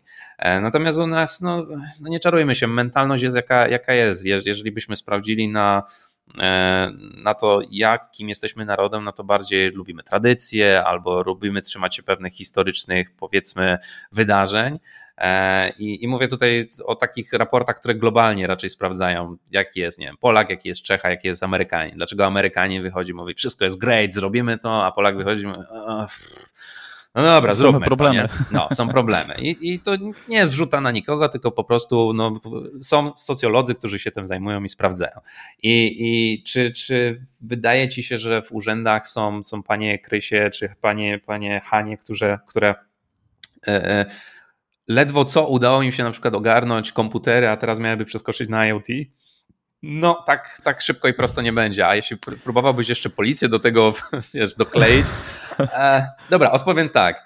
E, nie wiem, czy wiesz, ale, ale um, pewno prawnicy mnie za, za, to zjedzą, bo będę tak. E, nie będę aż tak de, detaliczny jak oni są, ale e, są dwie ustawy odnośnie kodów źródłowych i, i, programów, które piszemy. Jednak z 91 roku, a jedna z 94 roku. Nie? No, trochę stare, można by powiedzieć. Oczywiście nowelizowane, ale nadal stare. I tam jest e, taki sławetny paragraf 55, który jakbyś był trochę złośliwy, to mógłbyś odczytać mniej więcej tak, że kod źródłowy, który ty tworzysz jako programista albo jako tester, po prostu kod źródłowy, jest objęty takimi samymi prawami autorskimi jak poezja czy literatura. E, jest takie. Czyli ja jestem bardziej poetą niż programistą, by z tego wynikało. To, to, mi, to mi schlebia chyba teraz, wiesz, to mi aż połechtało. No, poniekąd tak, nie? Natomiast, Tworzę prozę. Tworzysz prozę, natomiast no, no, jak, jak czasami słucham, słucham tego, co mówią prawnicy, albo, albo właśnie pada pytanie takie jak ty. Czy policja w Polsce będzie mogła korzystać z produktów IoT i czy te dane w jakiś sposób będzie można wykorzystać? I, I zmusznają się ci prawnicy, po czym dają ci 8 stron, na którym wiesz, masz artykuł ustawy, paragraf, kodeks, coś tam, coś tam, e, sprawa sądowa taka, siaka czy owaka, i ty przekopujesz się przez 8 stron i ty mówisz, niby wyższe studia, niby człowiek wyedukowany, niby czytać umiem, a jednak nie rozumiem, co tu jest napisane. no to jest pewien problem, tak? Hmm. Och tak, no to nie, no nie, wygląda, nie wygląda to różowo, czyli daleko do takiej sytuacji, wiesz, jest y, scena przestępstwa, wpada policjant, ma przy sobie czytnik, podchodzi do urządzenia, bach, 5 sekund, słuchaj, czytam dane, mam jego lokalizację, wiem co on robił. To jest jednak o, bardzo odległe science fiction. No, aż, aż, aż w taką bajerę bym nie poszedł, chyba że wiesz, ktoś lubi do kawki sobie posłuchać, to możemy pogdybać, czy tak kiedyś będzie. Natomiast może inaczej, no... Mm, po, pojawiają się e, urządzenia, rozwiązania, które po prostu się sprawdzają i wtedy, e, i, wtedy siłą rzeczy, jak to ktoś ładnie powiedział, e, kapitalizm opiera się na tym, że trzeba po prostu zarobić.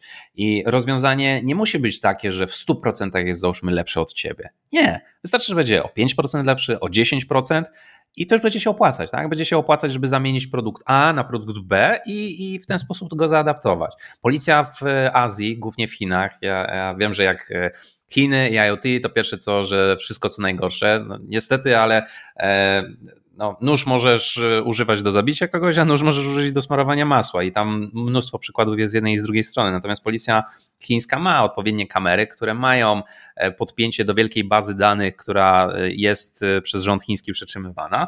No i oni nawet nie muszą za dużo robić, bo to te systemy AI przeszukują na bieżąco te bazy i sprawdzają, czy ktoś, kogo kamerka złapie, na przykład mandatu nie zapłacił, czy jest poszukiwany, e, czy, czy powinna z nim policja porozmawiać. E, I, I to już się dzieje. Nie? I to nie są, wiesz, wielkie, nie wiadomo jakie kamery czy okulary, które ważą dużo. Nie, to są takie małe ka kamery i, lekkie okulary, które są, które są z miłą chęcią używane. Ja zakładam nawet, że za jakiś czas to będzie pewien standard, bo nie wiem, czy widziałeś te, te wycieki e, e, okularów Apple'a, które mają się rzekomo w tym roku pojawić. E, nie. No to w dużym skrócie, nie wiem, czy to rzeczywiście tak będzie, ale był wyciek dwa miesiące temu, jakoś tak, że w tym roku Apple pokaże, oprócz tych swoich oczywiście iPhone XXX i te nazwy, o których już sam nie wiem jak nazywać, iPhone X Max S, pokaże też okularki okularki, które właśnie są e, AR, czyli, czyli rozszerzają rzeczywistość, a nie tworzą wirtualną rzeczywistość. E, oczywiście już też powiedzieli, że pierwszy model tam e, nie ma chyba mikrofonu, ale model 2.0 za rok będzie mieć. Standardowa zagrywka, zagrywka Apple'a. E, natomiast jeżeli to wejdzie, no to za jakiś czas ludzie będą to uznawać, ok, to jest coś normalnego, tak? I, i tak to wygląda. Więc e, to nie wydarzy się jutro, że, że przyjdzie pan i, i powie tak jak w, w e, tym e, e, raport mniejszości z Tomem Cruzem. Prze, przewiduje, no. co się wydarzy, za, zanim to się wydarzy, to do czegoś takiego nie idziemy. Natomiast technologia bardzo szybko idzie naprzód. Podam Ci prosty, krótki przykład i, i możemy przejść do kolejnego pytania, ale, ale jak już zacząłeś, to, to dokończę. Jest na przykład coś takiego, co się nazywa predictive maintenance. To nie jest e, coś, co wymyślono teraz, to jest e, pewien dział nauki, który już od dawien dawna istnieje, ale który analizuje, w jaki sposób możemy przewidywać, kiedy coś się z Twoją maszyną e, w Twojej fabryce wydarzy. No i teraz wyobraź sobie, że kupujesz sobie taki sensor. Ten sensor kosztuje nie wiem, 10 euro z tego, co na przykład y, wiem w Polsce, przypinasz go do maszyny, nie musisz nic więcej robić, tylko go przypinasz y, po kleju do, do ścianki swojej maszyny e, i zostawiasz tak. No i ten, ten sensor zaczyna uczyć się jak działa twoja maszyna. Czy ona, czy ona przesuwa coś, tnie, zgniata, to nieistotne. Ona, ona działa w pewien specyficzny sposób i ona wibruje. I na bazie tych wibracji możesz określić, jak ta maszyna działa. I są wibracje pozytywne, kiedy wiesz, ok, nie wiem, 100% przepustowości idzie, to teraz maszyna musi tak wibrować, a wiesz, że kiedy leci na 20% to wibruje inaczej, ale sensor może wykryć, kiedy jest y, no, od, odsunięcie od normy. Na przykład o jedno mikro tam sekundę coś wolniej robi, albo o jeden gram lżejszy produkt zaczyna uznawać za prawidłowy. I, i ty tego nie zauważysz, ale te sensory zauważą. I one dużo wcześniej mogą ci powiedzieć, yo, e, sprawdź, czy się czasem, nie wiem, olej nie skończył, czy się coś nie zatarło, czy się śrubki nie zaczęły obluzowywać i przez to inaczej działa twoja maszyna. E, ty byś to mógł zrobić, jakbyś miał sztab ludzi, którzy załóżmy co tydzień przychodzą i, i sprawdzają. A taki sensor, bum, robi, przewiduje i, i już to wie. I to, to, to, mhm. to istnieje, tak? Hmm, na bazie analizy zachowań, ale na razie dla maszyn takie mamy sensory, dla ludzi jeszcze nie. A szkoda, mm. przydałoby się niektórym. I, i tak, i na, z tego co wiemy są te, te smart ubrania, które gdzieś tam są na świecie. E, są też firmy, są firmy e, medyczne, które zajmują się wyrobem różnego rodzaju produktów. E, no, niektórzy się śmieją, ale internet rzeczy pomógł na przykład w przy transplantacji serc, no bo kiedyś było tak, że te, te baterie w środku um, trzeba było wymieniać, plus no, jeżeli jesteś 50-latkiem i załóżmy, że dożyjesz do 70 lat e, z takim przeszczepionym sercem, no to twój rytm e, ciała inaczej będzie za 20 lat wyglądać, tak? A teraz możesz zaktualizować to. Brzmi śmiesznie, ale dzięki temu, wiesz, lekarz widzi, ok, nie wiem, w ostatnich pięciu latach spadł panu poziom wiem, glukozy czy czegoś tam w pana ciele, e, to musimy poprawić na przykład, e, nie, nie wiem, lewą zastawkę, żeby przepustowość była wydajniejsza i tak dalej. No i rzucają aktualizację, bum, to działa. Więc e, no, jest pewien postęp. No, w medycynie to co, to, co się teraz dzieje, to jest po prostu to jest kosmos. I, i nie chcę tu o jakichś futurystycznych rzeczach gadać, tylko no, te produkty muszą być atestowane. Tak? Jest powód, dla którego nawet jak ja próbowałem kiedyś pracę w, w Szwajcarii w takiej firmie zdobyć, no to tam były, było kilka rozmów, gdzie, gdzie maglowali wszystko, łącznie z tym, że sprawdzą tak jak w banku każde z tych rzeczy, które tam wpisałeś, zadzwonią do twojego szefa byłego, żeby sprawdzić, czy rzeczywiście ty robiłeś to czy tamto, czy się na tym znasz. No bo wiesz, jak ci smart zegarek nawali, kiedy ty biegniesz i, i zamiast kilometra ci pokaże 10, no to masz to, brzydko mówiąc, gdzieś. No dobra, zdarzyło się, ale jak masz, nie wiem, smart y, pompę w sercu, która zamiast ci wpuścić 1 gram leku, wpuści 10 gram, no to już masz problem. Więc oni tam rzeczywiście pilnują tego na, na każdym możliwym kroku, bo no, musi to działać. I zazwyczaj to działa. Raczej rzadko kiedy coś złego się dzieje. E, Marcinie, podcast Dev Session e, głównie trafia do programistów, mhm. osób gdzieś tam, które coś tam z kodem mają do czynienia. Porozmawiajmy o fuck-upach, o, o wpadkach. Dokładnie. Co tutaj można e, programistom w kontekście IoT najczęściej zarzucić? Jakie są najczęstsze problemy z nami? Najczęstszy problem to jest wasza pewność siebie. O, ja jestem Oj, programistą. Czego ja nie robiłem? To od tego zacznijmy. Druga moja ulubiona rzecz to jest, jest nowy projekt. Ten zrobimy wedle wytycznych. Ten będziemy robić zgodnie ze wszystkimi wytycznymi normami. Zawsze się tak zaczyna, a potem wiadomo jak się kończy. Dobra, tniemy. Dobra, zahardkoduj to. Dobra, wrzuć już, przepnij, daj plus jeden, będzie, będzie w porządku. Porozmawiajmy o fuck-upach. No, na przykład e, takim fuck-upem jest e, zmiana stosu bluetoothowego w trakcie trwania projektu. Na, na, co jest najważniejsze, aby działał Ci produkt z obszaru internetu rzeczy? No nie to, jak on tam wygląda, nie to, jakie on tam funkcje spełnia, tylko żeby był stabilny. No taka jest prawda. Chcesz sobie włączyć i ma to po kliknięciu być jakaś akcja, reakcja. Jak nie ma tego, albo ci się nie paruje, albo ci wywala, no to ci po prostu szlak trafia i mówisz, to jest gówniane rozwiązanie, ja tego więcej nie chcę. No i pamiętajmy o tym, że ten próg cierpliwości konsumenta jest dość wąski. Jeżeli w trakcie trwania projektu klient mówi, a moglibyśmy zmienić stos bluetoothowy, bo dzięki temu, nie wiem, zaoszczędzimy ileś euro czy dolarów, no to trzeba mu wyjaśnić, słuchaj, jak przez ostatnie pół roku grzebaliśmy w takim, a ty nam dasz inny, to miej świadomość, że to może nie działać idealnie.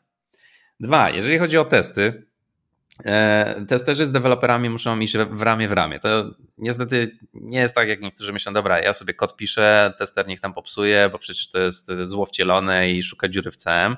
E, niestety jedni i drudzy muszą ze sobą współpracować czasami jest tak, że no, mało kto rozumie świat IoT aż tak dogłębnie, tak? I, I, jak nie wiesz, jakie tam paczki są przesyłane i czym się różni nie, jeden rodzaj komunikacji od drugiej, i deweloper tylko ci pół zdaniami będzie odpowiadać, no to e, no będziesz miał problem, bo nie dotestujesz tego odpowiednio.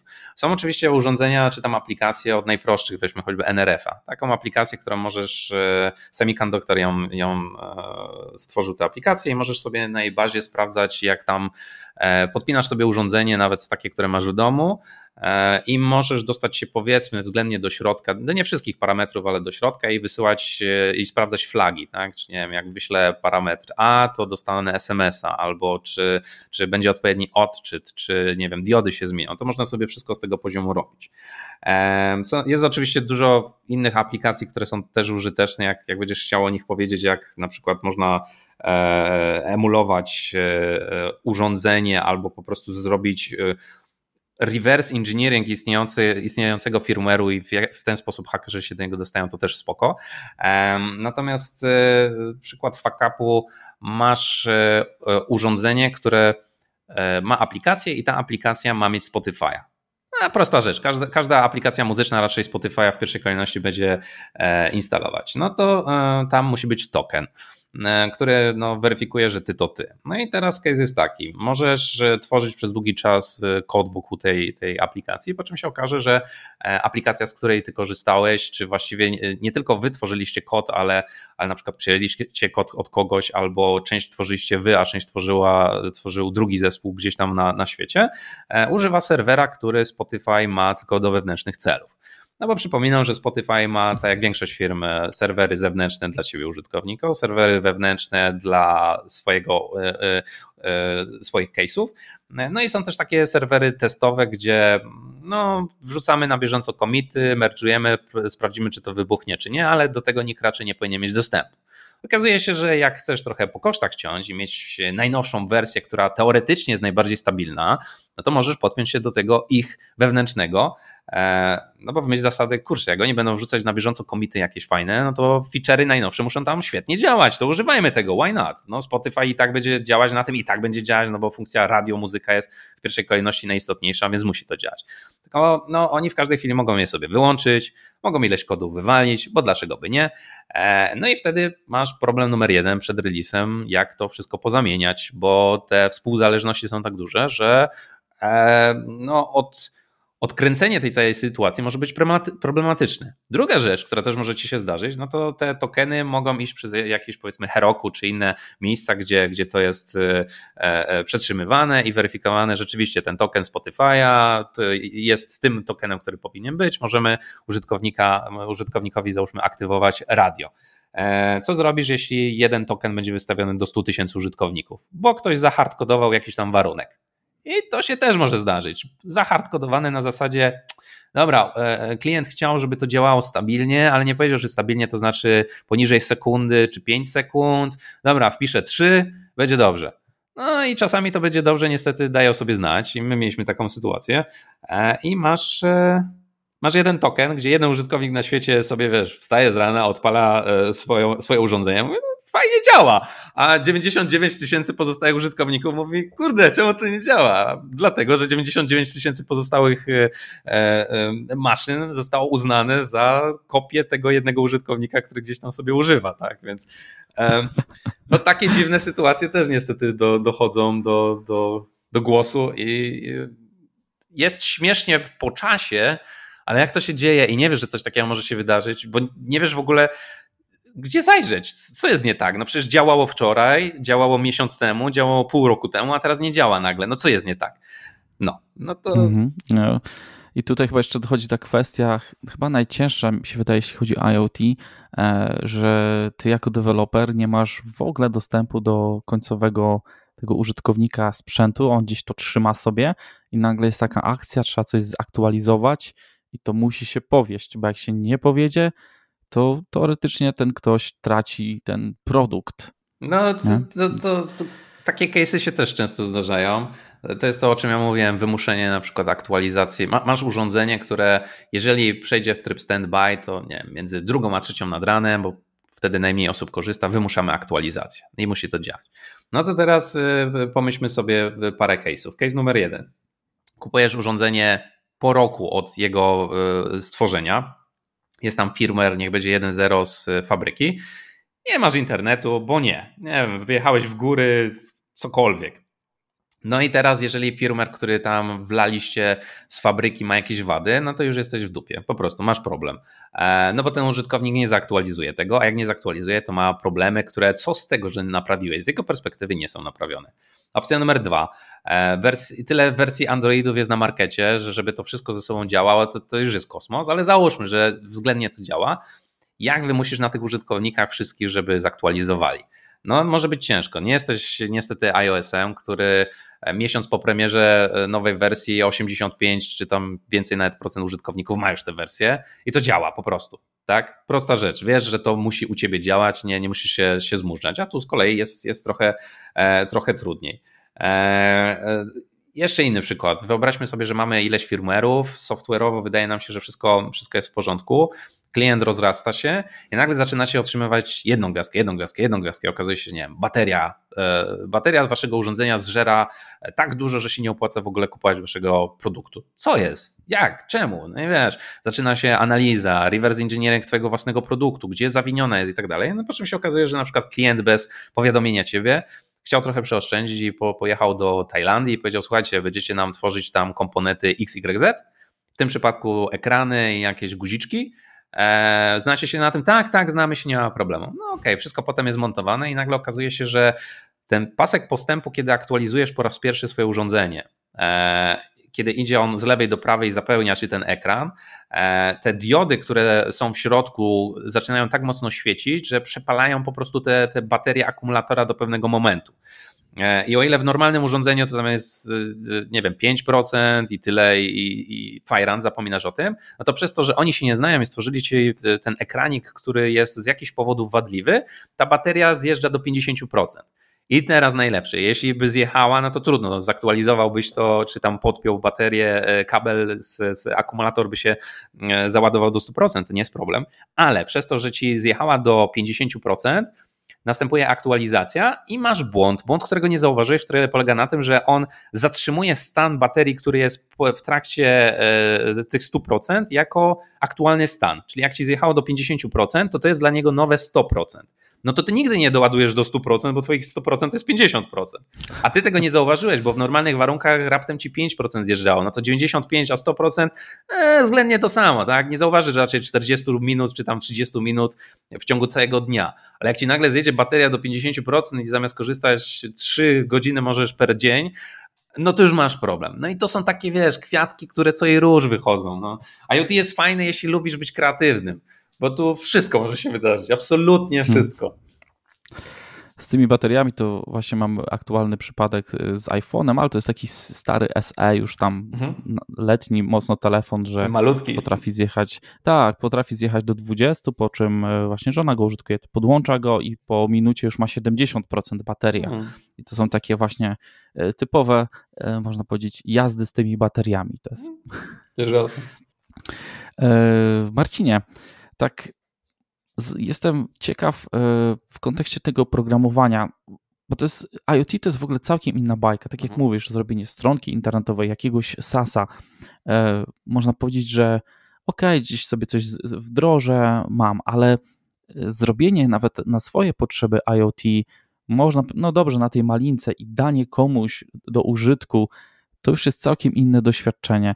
Powiedz mi, jak właśnie zainwestować ten czas, dlaczego właśnie programiści może powinni spróbować e, wejść trochę w to IoT na taki troszkę właśnie innej, innym poziomie niż sterowanie diodami, czyli taki chociaż mały, mały produkt gdzieś e, komuś e, dać, nawet z rodzinie, słuchaj, potestuj tutaj, zobacz, coś przygotowałem.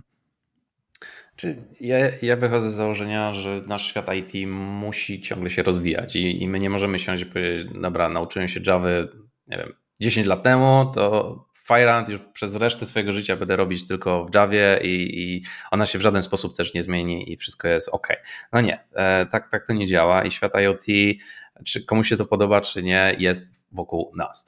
Jest go coraz więcej, jest o nim coraz głośniej i, i raczej będzie to tylko rosło i rosło, więc e, świadomość tego, jak to działa i, i umiejętność w ogóle pracy z tymi e, urządzeniami, to będzie gigantyczny plus dla, dla ciebie jako pracownika na przyszłość.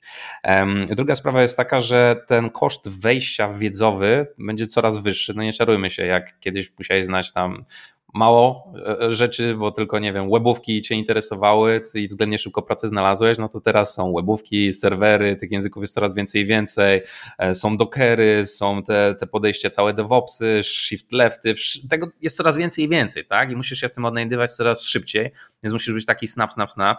I tak samo z IoT jest, że po prostu, e, czy chcesz, czy nie, ono prędzej czy później tutaj wejdzie i dobrze by było, abyś ty jednak je znał, czy wiedział, z czym to się je, w przeciwieństwie do, do nie wiem, jakiegoś młodzika, który dopiero co wszedł, ale powiedział, ok, ja to będę robić, bo, bo chciało mi się, bo wierzyłem w to i, i teraz mogę, mogę na tym e, trzepać szekle.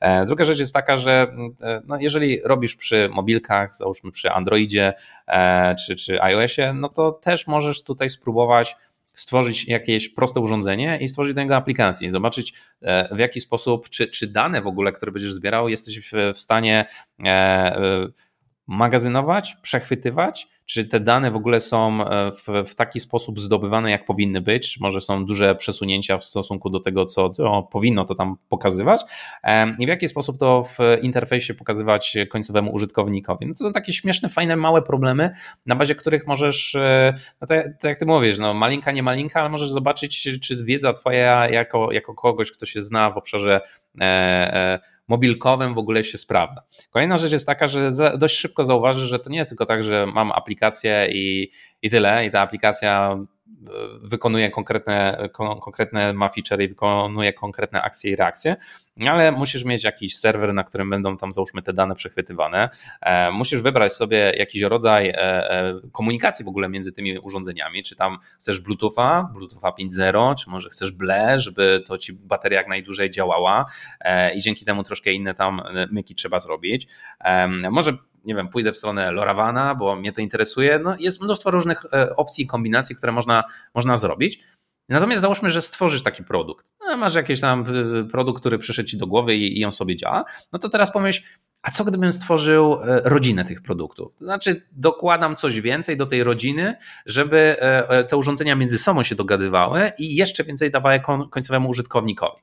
I jest mnóstwo for internetowych, na których właśnie takie projekty od pomysłu do realizacji są opisywane, łącznie z tym, o czym nie myślałem tworząc ten produkt, a co e, pojawiło się w momencie, kiedy dołożyłem jeszcze dodatkowy element, czy dodatkowy komponent. I, i wówczas to się, ten poziom skomplikowania zaczął drastycznie zwiększać i zmieniać i musiałem po prostu myśleć nie stereotypowo, czy myśleć e, w kategoriach, o których wcześniej nawet nie przyszły mi do głowy. I, i myślę, że to jest największa taka wartość dodana, w, w ramach której no, można spróbować, jeżeli czujesz się na siłach jako programista, zobaczyć, a okej, okay, to takie, takie dziwne sytuacje mogą, mogą się pojawić. I wiadomo, no, to jest twój mały projekcik, e, możesz, nie musisz się nim pochwalić u swojego pracodawcy, czy jak będziesz zmieniać pracę, nie wiem na jakim jesteś etapie jako, e, jako deweloper, ale, ale zawsze fajnie jest pokazać komuś, zobaczcie, robiłem już coś małego, e, takie są moje wyniki, czy, czy do takich wniosków doszedłem, no bo to nie jest tylko teoretyzowanie, tylko praktyczna wiedza. A z kolei w drugą stronę,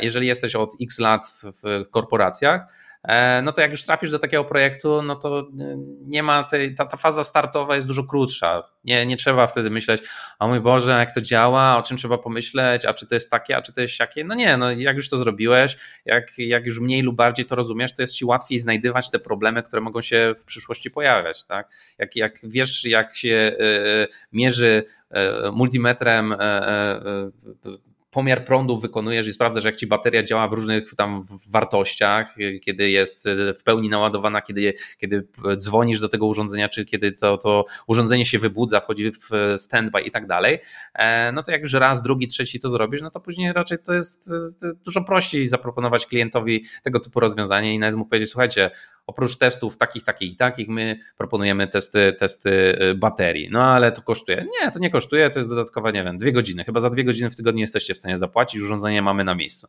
No spoko jesteśmy. E, I potem nagle się okazuje, że programiści, którzy napisali kod, no już tam pomijmy, czy on jest ciężki, nie jest ciężki, to tam gancegal, e, przy którejś aktualizacji spowodowali, że ta bateria nagle zjeżdża o, nie wiem, 10-15%. No i czemu? E, no, nie wiem, no to misiu kolorowy, inwestyguj, co tu się stało i, i debuguj, gdzie tu popełniłeś błąd. Ale wiesz, jak nie zaproponujesz tego, tylko będziecie się skupiać na funkcjonalnościach i innych rzeczach, to jak już dojdziecie do tego ostatniego etapu i wtedy wyjdzie, że o fuck, mamy problem, bo tutaj nam e, bateria zjeżdża z niewiadomych powodów, no to weź wykopuj się z tych wszystkich komitów. No weź co wszystko teraz odkopuj i każdy, każdą jedną tam e, linijkę sprawdzaj. No, no niewykonywalne, tak? No niemożliwe wręcz do, do zrobienia.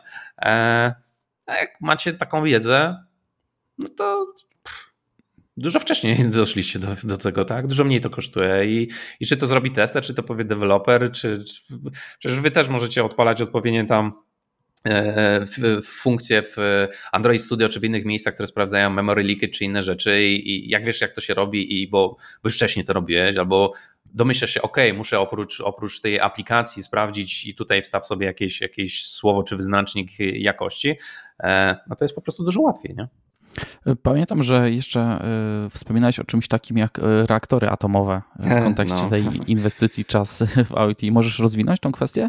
Skończyłem akurat projekt przy reaktorach atomowych europejskich, gdzie oprócz webówek, aplikacji i e, oprócz webówek i aplikacji właściwie były też e, VR-owo slash AR-owe e, okularki dla, dla pracowników, którzy na kask mieli to sobie montować i mieli mieć wolne ręce i dzięki temu e, mogli wiesz, szybciej dochodzić do tego, jak ci działa fabryka. E, przykładowo najeżdżasz na jakąś, na jakąś rurę i ona ci pokazuje, nie wiem, płynie to, co tam jest w środku, w górę, w dół, to jest ciepłe, zimne i instrukcja ci się pojawia, jak z tym powinieneś reagować. Tak? Nie dotykaj tego albo wyłącz włącznik numer 3, żeby w ogóle podejść do tego. Generalnie ten świat sprowadzał się do tego, że tu dużo się działo i, i w bardzo różnych technologiach. Dla, z różnych powodów, ale przyjmijmy dla uproszczenia tej dyskusji, że po prostu było dużo e, technologii i każdy wymyślał koło na nowo z różnych powodów. E, jeżeli miałeś wcześniej styczność z tymi produktami albo e, masz dużą wiedzę, jeżeli chodzi o, o obszar IoT, to jesteś w stanie zaproponować klientowi różnego rodzaju rozwiązania albo powiedzieć mu, słuchajcie, e, fajnie, że wymyślamy tutaj aplikację, która załóżmy e, ma działać między dwoma telefonami na Bluetoothie i ma działać w taki sposób, że jeżeli jesteśmy blisko, to jest jakaś akcja, reakcja i wtedy coś się wywołuje na przykład na ekranie twojego, twojego kasku. No to nie wiem, czy wiecie, ale musicie pamiętać o tym, że czy wy macie telefon marki X czy Y, no to już będzie pewna różnica w tym, jak one e, się między sobą. Dlaczego? No bo klient e, robi testy wewnętrznie, pomijam, że teraz jest COVID, e, to trochę inaczej wygląda, ale robi testy po swojej stronie, no to jak je robi? No bierze telefon, który masz tak jak i ty przy sobie, instaluje aplikację, bierze drugi telefon, działa, działa, spoko, jest fajnie.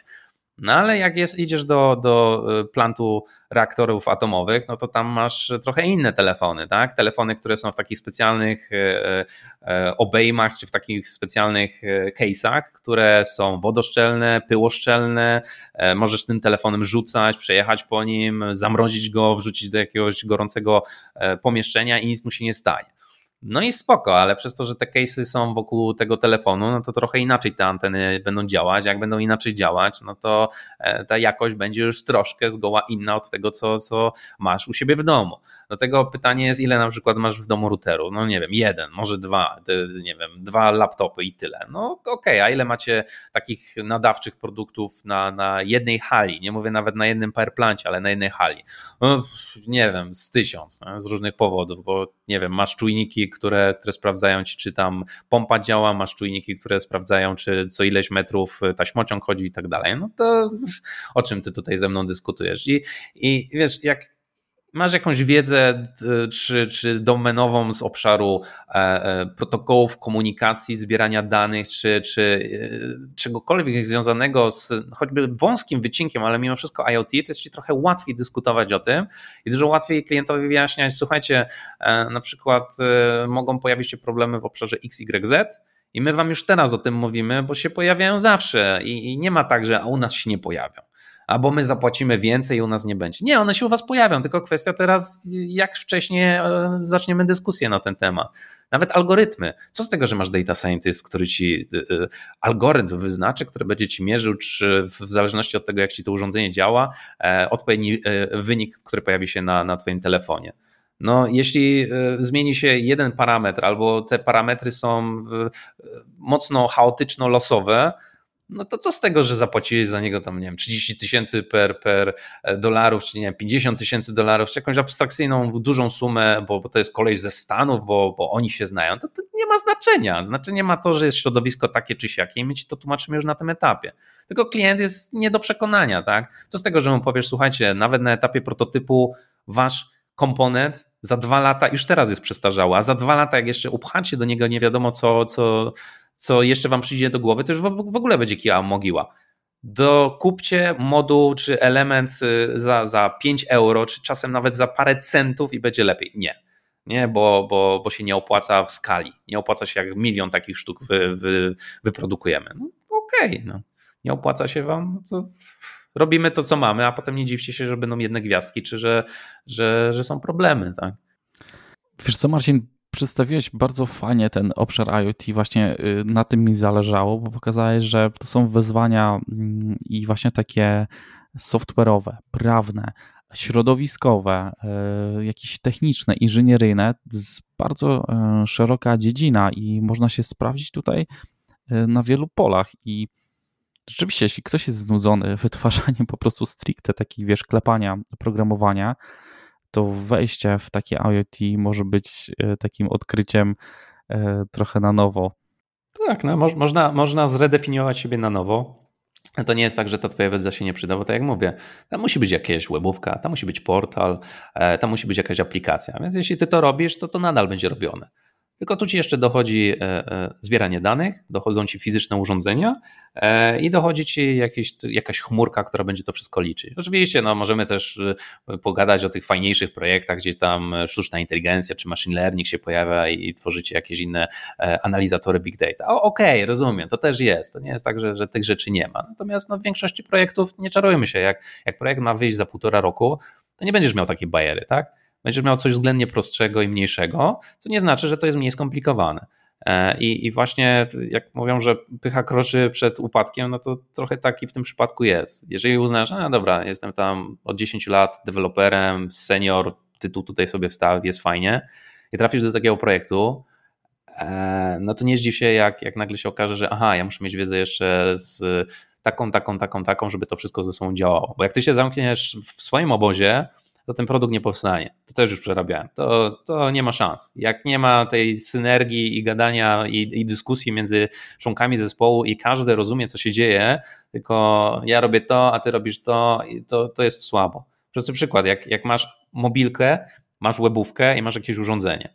No i to urządzenie nagle okazuje się, że no, informacja nie spływa odpowiednio na telefon z różnych powodów. No to teraz kto ją zawinił? Czy strona webowa, która odpowiada za to i tam, nie wiem, serwer mają po swojej stronie. Oni powiedzą, nie, nie, nie, my wszystko tu mamy ok, my to wypuściliśmy. Z kolei e, mobilka powie, no nie, a my to świetnie zinterpretowaliśmy, to nie jest nasza wina. I wiesz, między nimi może dojść do takiej, takiej przepychanki i, i głupiego przepalania czasu, i oczywiście, że ty, jak, jak jesteś odpowiednio wykwalifikowanym, załóżmy testerem, to możesz to przechwycić w trakcie i, i nawet głupim e, Chrome Inspectem sprawdzić, jeżeli coś, coś takiego jest możliwe i powiedzieć, jo, tutaj jest coś nieprawidłowego, no ale musi być ten, ten, ta wiedza i musi być ta, ta współpraca między e, poszczególnymi członkami zespołu, bo inaczej no jest słabo, tak? Ty nie masz tutaj udowadniać, jakim jesteś mega wymiataczem i jak kosisz projekty, bo, bo masz tytuł taki owaki, to, to te megalomańskie ego to najlepiej jest schować do kieszeni, tylko po prostu robimy projekt, który ma być fajny i, i pamiętaj, że to ty musisz klientowi tłumaczyć, bo klient zazwyczaj jest mocno nietechniczny. I nie z perspektywy, hej, e, mamy pytanie, czy ma być e, tutaj, jaka ma być tutaj opcja. Nie, przychodzisz do niego i mówisz, yo, opcja A, opcja B, to są zalety, to są wady, co wybierasz? E, to. No i okej, okay, no jedziemy dalej. Tak? I wtedy ten czas wytwarzania jest dużo, dużo mniejszy. Ale żeby postawić kogoś przed takim wyborem, no to musisz mieć jakąś wiedzę. Nie masz tej wiedzy, no to zacznie się kombinowanie. A po kombinowaniu wiadomo, jak, jak projekty kończą. Mhm. Albo zacznie się słynne e, rzucanie frazami, no to zależy. No, to zależy, malowanie trawy na zielono i tak dalej. No, no, no, Dokładnie. I w tym miejscu, e, Marcin, postawmy kropkę. E, ja chciałbym Ci bardzo podziękować właśnie za przyjęcie tego zaproszenia i podzielenie się tym ogromem e, wiedzy i doświadczenia. E, myślę, że przedstawiliśmy to IoT właśnie w taki sposób, w jaki mi zależało, właśnie troszkę od, od może nie tak od kuchni, ale poruszyliśmy aspekty prawne, właśnie różne środowiskowe wyzwania przy tworzeniu takich projektów i biznesowe i ze współpracy z różnymi klientami, trochę odczarowaliśmy to IoT, internet rzeczy. O, będę się teraz posługiwał, internet rzeczy. Jak, jak ma, ma, mamy jakiegoś słuchacza, który wytrwał te, to moje ględzenie, a jest mocno programistyczny, to jak chcesz w bonusie mogę e, takimi tylko hasłami rzucić, jakich programów może pościągać, jak chciałby przeorać sobie różnego rodzaju produkty IoT i, i, zobaczyć, jak to działa. Bo zrobiłem sobie taką listę celowo dla ciebie. Słuchaj, bo, bo wiedziałem pewnie, o tym. Pewnie i możemy ją też jak najbardziej załączyć do, jako takie przydatne linki, które pojawią się e, w publikacji, więc będziecie mogli sobie e, też wyszukać wprost. Więc możemy je teraz e, powiedzieć szybko, albo możemy po prostu je załączyć do notatek, jak wolisz. To jedno i drugie zrobimy, ale e, Dawaj. możesz potem wiesz, zacząć, e, drogi słuchaczu, nie tylko polecam Ci ten odcinek ze względu na ciekawą tematykę, ale jak wytrwasz do końca, będzie bonus. To jest bonus, dla, bonus. Tych, dla tych mocno technicznych, którzy na przykład chcieliby przeorać IoT. Dobra, do rzeczy. E, jeżeli masz produkt IoT i chciałbyś zrobić reverse engineering, nigdy tego wcześniej nie robiłeś, ale z jakichś powodów chciałbyś, wbijasz na AliExpress, kupujesz najtańszy, najprostszy podzespół, jaki wpadnie ci, właściwie element, przepraszam, jaki wpadnie ci w oko. Smart, e, włącznik, wyłącznik, żarówkę, gancegal, to jest nieistotne. Generalnie, jak on już przyjdzie do ciebie, e, krok pierwszy, spisujesz sobie wszystkie elementy, które tam środowiskowo mogą się znaleźć. Co to znaczy? Jest aplikacja, jest, nie wiem, potrzebny serwer, jest potrzebny, jest potrzebny może router, jest potrzebne może urządzenie samo w sobie, Czasami tych elementów jest więcej, czasami jest mniej, ale fajnie jest rozrysować sobie taką mapę, co tam się między tymi e, elementami poszczególnymi może dziać. Nawet jeśli nie wiesz z grubsza, co się może dziać, rozpisz sobie taką wstępną mapkę. Jeżeli jest możliwość, tak jak ja wcześniej powiedziałem, FCC sprawdzenia konkurencji, zrób to. Weź to, to sprawdź, jak podobne urządzenia działają. Jeśli jest możliwość sprawdzenia tego urządzenia, sprawdź, jak to urządzenie e, zostało wykonane. Mnóstwo informacji tam jest. Następna rzecz, binarki.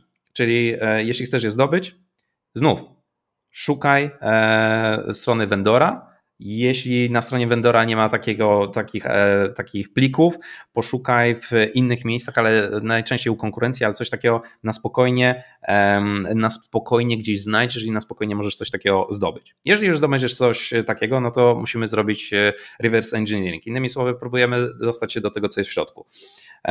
Polecam między innymi coś takiego jak Beanwalk, taka, taka prosta aplikacja, która pomoże Ci zdekodować to, co się tam znajduje, e, ewentualnie IDA Pro albo Radar 2.